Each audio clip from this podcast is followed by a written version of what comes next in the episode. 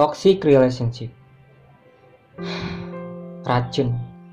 Racun yang pernah ada di dalam hubungan gue dulu sampai akhirnya gue males untuk memulai lagi. Oke, okay, here we go. Halo teman-teman semuanya, apa kabar? Selamat datang di podcast Sweet Talk. Let's talk about anything with your heart and don't forget your logic. Bersama gue Ilham Yustiansyah. Udah atur posisi santainya belum? Kalau udah, selamat mendengarkan.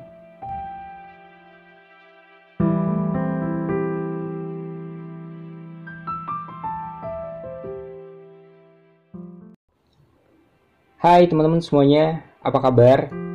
Selamat datang di podcast Sweet Talk. Terima kasih buat teman-teman semuanya yang udah datang ke sini buat dengerin podcast ini dan gak bosan dengan suara gue.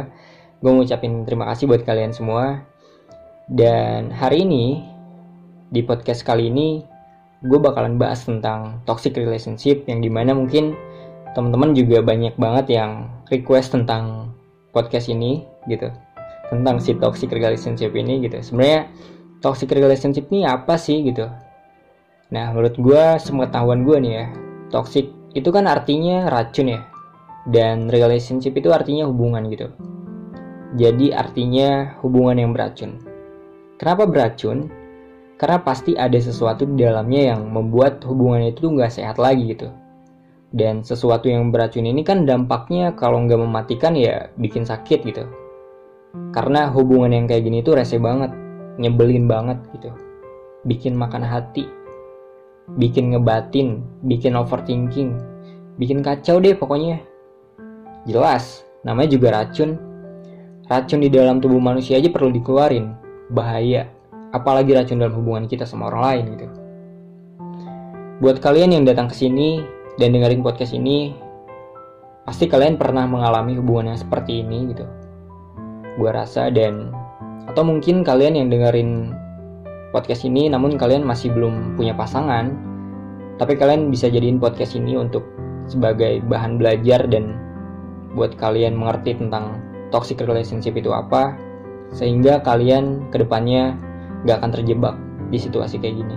So buat kalian jangan pernah berhenti belajar mari kita belajar bareng dan dengerin podcast ini bareng-bareng karena ini adalah podcast yang di mana gue bakalan ngomongin tentang toxic relationship sepengalaman gue tentang apa yang gue rasain tentang apa yang gue denger dan tentang apa yang gue tahu juga so buat kalian dengerin podcast ini sampai akhir oke? Okay? toxic relationship. Itu adalah hal yang bakalan kita sadarin ketika hubungan tuh udah makin lama dan makin parah gitu toksiknya kalau awal-awal mungkin kita nggak sadar gitu akan hal itu. Malah ada yang seneng gitu kan dicemburuin diposesifin terus dimarah-marahin sama pasangan gitu. Ya katanya sih sayang gitu. Padahal menurut gue sih enggak ya dan gue juga nggak bisa menyalahkan bahwa toxic relationship ini salah ceweknya atau salah cowoknya gitu. Karena kadang antara keduanya tuh masih polos gitu. Dan belum tahu apa itu toxic relationship. Apa itu hubungan yang gak sehat. Kita tuh semua masih tabu dalam menjalankan hubungan gitu. Ya asal nembak jadian ya terus jalanin aja gitu. Gak pernah ada pengetahuan. Gak pernah belajar untuk saling mengerti satu sama lain. Dan kadang salah satu di antara kalian juga belum cukup dewasa untuk mengerti bagaimana membangun hubungan yang sehat tanpa ada racun di dalamnya. Hah, sebenarnya gue juga pernah mengalami situasi kayak gini. Situasi yang bener-bener toxic gitu. Dan ngebuat gue stres banget dan gak nyaman banget saat itu. Jujur gue takut sekaligus males untuk memulai cerita kembali karena racun dari hubungan yang gak sehat ini tuh bikin gue ngerasa hopeless banget dan takut untuk salah memilih pasangan lagi gitu. Jadi gue pernah ngerasain diposesifin yang bener-bener parah banget saat gue pacaran di SMA gitu kan. Dari mulai gue nggak boleh deket sama cewek lain kayak di sekolah tuh gue nggak boleh pulang bareng sama temen gue yang ada ceweknya gitu nggak boleh duduk di kelas sama cewek bahkan ada kejadian di mana di saat gue ngerjain tugas di kelas kan dan gue duduk gitu di bangku teman gue dia kan cewek ya gak lama pacar gue nelpon gitu. Kamu ngapain duduk sama cewek? Bla bla bla bla bla. Marah deh pokoknya. Ternyata ada mata-mata pacar gue yang itu adalah teman gue sendiri. Gila sih. Selain itu juga gue nggak boleh kalau kerja kelompok itu gue berangkat boncengin teman gue cewek gitu. Ya walaupun itu adalah keperluan untuk tugas ya. Apalagi whatsappan. Whatsappan sama cewek lain tuh gue gak pernah. Itu karena whatsapp gue tuh disadap sama dia gitu dipegang sama dia. Jadi dia akan tahu semua isi WA gue IG gue juga dipegang sama dia. Login di handphonenya dia gitu. Following gue cewek-ceweknya gitu di unfollowin sama dia. Bahkan kalau sampai ada riwayat pencarian cewek ini di Instagram gue dia akan marah. Apalagi kalau gue like foto atau komen foto cewek di Instagram gitu. Di sosmed. Bahkan balas WA juga harus cepet. Kalau kelihatan online tapi nggak balas wah dia pasti marah banget dan ya apa-apa tuh harus laporan nih pokoknya. Bahkan ada momen di mana ketika gue kerja ya waktu kejadiannya tuh setelah gue lulus SMA dan dia meminta gue untuk tidak bekerja lagi saat itu. Rasa cemburu yang berlebihan dan khawatir gitu. Di tempat kerja gue itu kan banyak cewek-ceweknya gitu karena pekerjaan gue tuh saat itu ya berdialog dengan lawan main.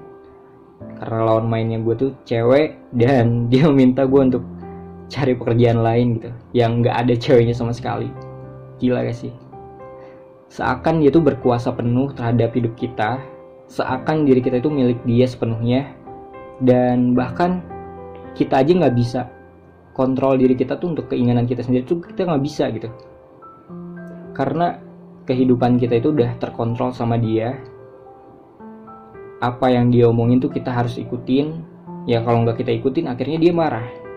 Marah terus nangis nggak mau makan kadang. Ya sampai akhirnya kita bingung sendiri gitu. Stres sendiri dan males lah sama perdebatan-perdebatan kayak gitu tuh. Akhirnya kita coba untuk ngalah ngikutin kemauan dia. Ya tanpa kita ngerasa nyaman dan gimana ya rasanya?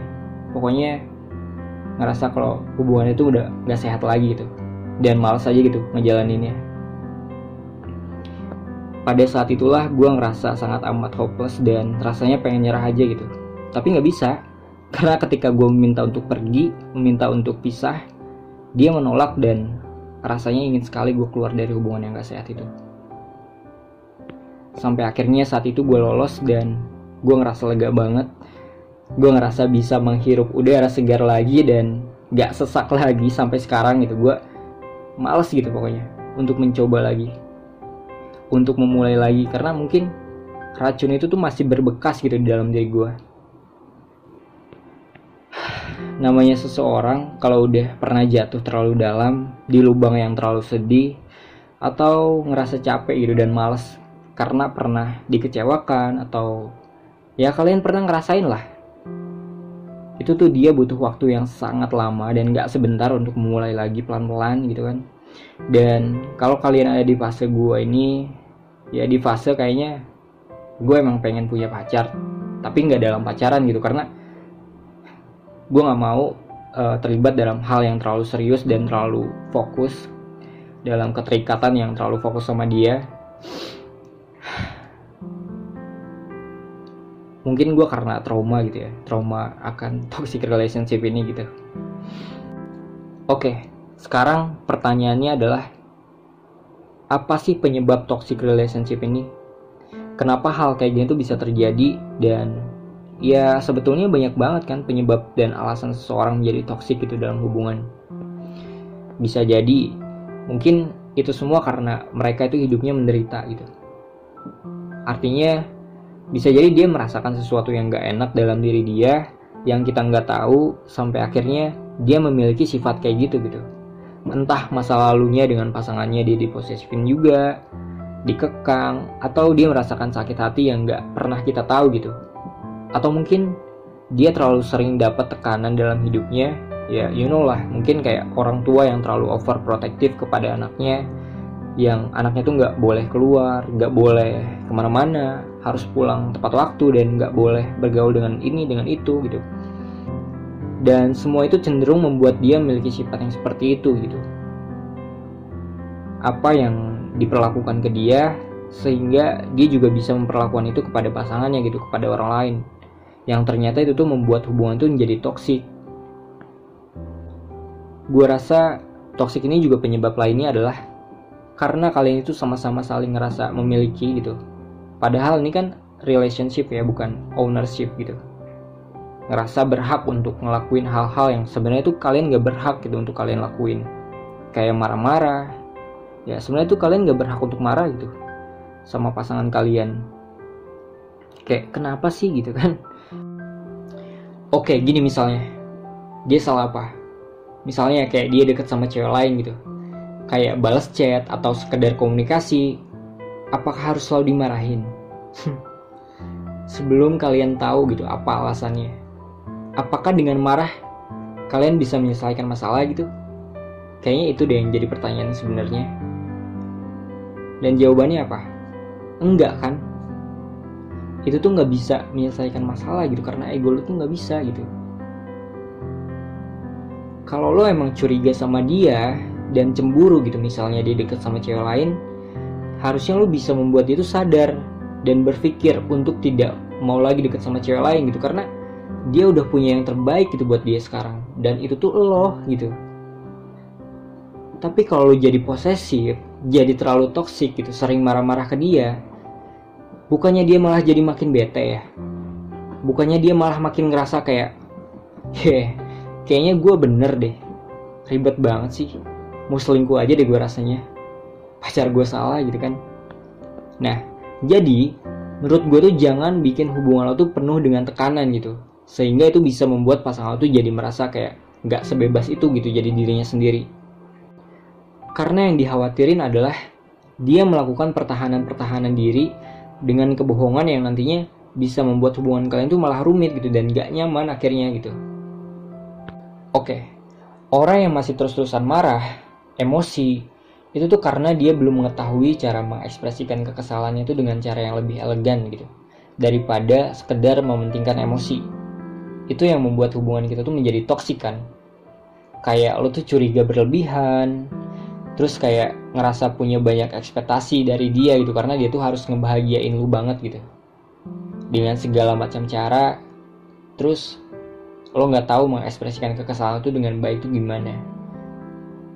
Ya ketimbang diskusi lo lebih pengen mengekspresikan itu dengan cara menjudge dia menghakimi dia dengan bikin suasana jadi pokoknya dia harus tahu nih apa yang gue rasain. Nah yang kayak gitu tuh keegoisannya tuh mulai muncul gitu mulai tumbuh sedangkan orang yang belajar Sedangkan orang yang mengerti bahwa sebenarnya ketika kita emosi itu kita nggak boleh mengeluarkan statement apa-apa gitu sampai kita tuh ngerasa tenang. Dan akan lebih baik ketika kita ngerasa kayak, oh gue lagi emosi nih, sebentar deh gue bakalan tenangin dia gue dulu sambil gue tuh berpikir jernih gitu. Baru nanti gue coba diskusi sama dia. Nah, kedewasaan yang kayak gitu tuh bikin lu tuh ngerasa kayak bijak untuk menentukan sesuatunya dan mengekspresikan diri itu dengan kekesalan tuh lebih elegan gitu. Lebih nyantai dan gak perlu toksik gitu. Cobain deh. Cobain untuk tidak emosi untuk tidak toksik sama pasangan kalian. Untuk itu ayo ayo coba belajar dan berusaha menjadi seseorang yang lebih baik lagi buat pasangan kalian. Karena toksik itu juga bisa terjadi karena ketidakselarasan antara apa yang udah lo tahu dan apa yang udah membuat pikiran lo sampai sedewasa sekarang dengan pikiran dia yang masih kekanak-kanakan dengan pikiran dia yang masih belum dewasa dengan kekurangan pengetahuan yang dia milikin gitu. Itu juga bisa menjadi toksik kan? Lo udah berkembang jadi seseorang yang jauh lebih baik sedangkan dia masih belum jadi seorang yang terbaik buat lo dan itu artinya dia nggak tepat buat lo. Dan kalau udah begitu gimana? Tinggalin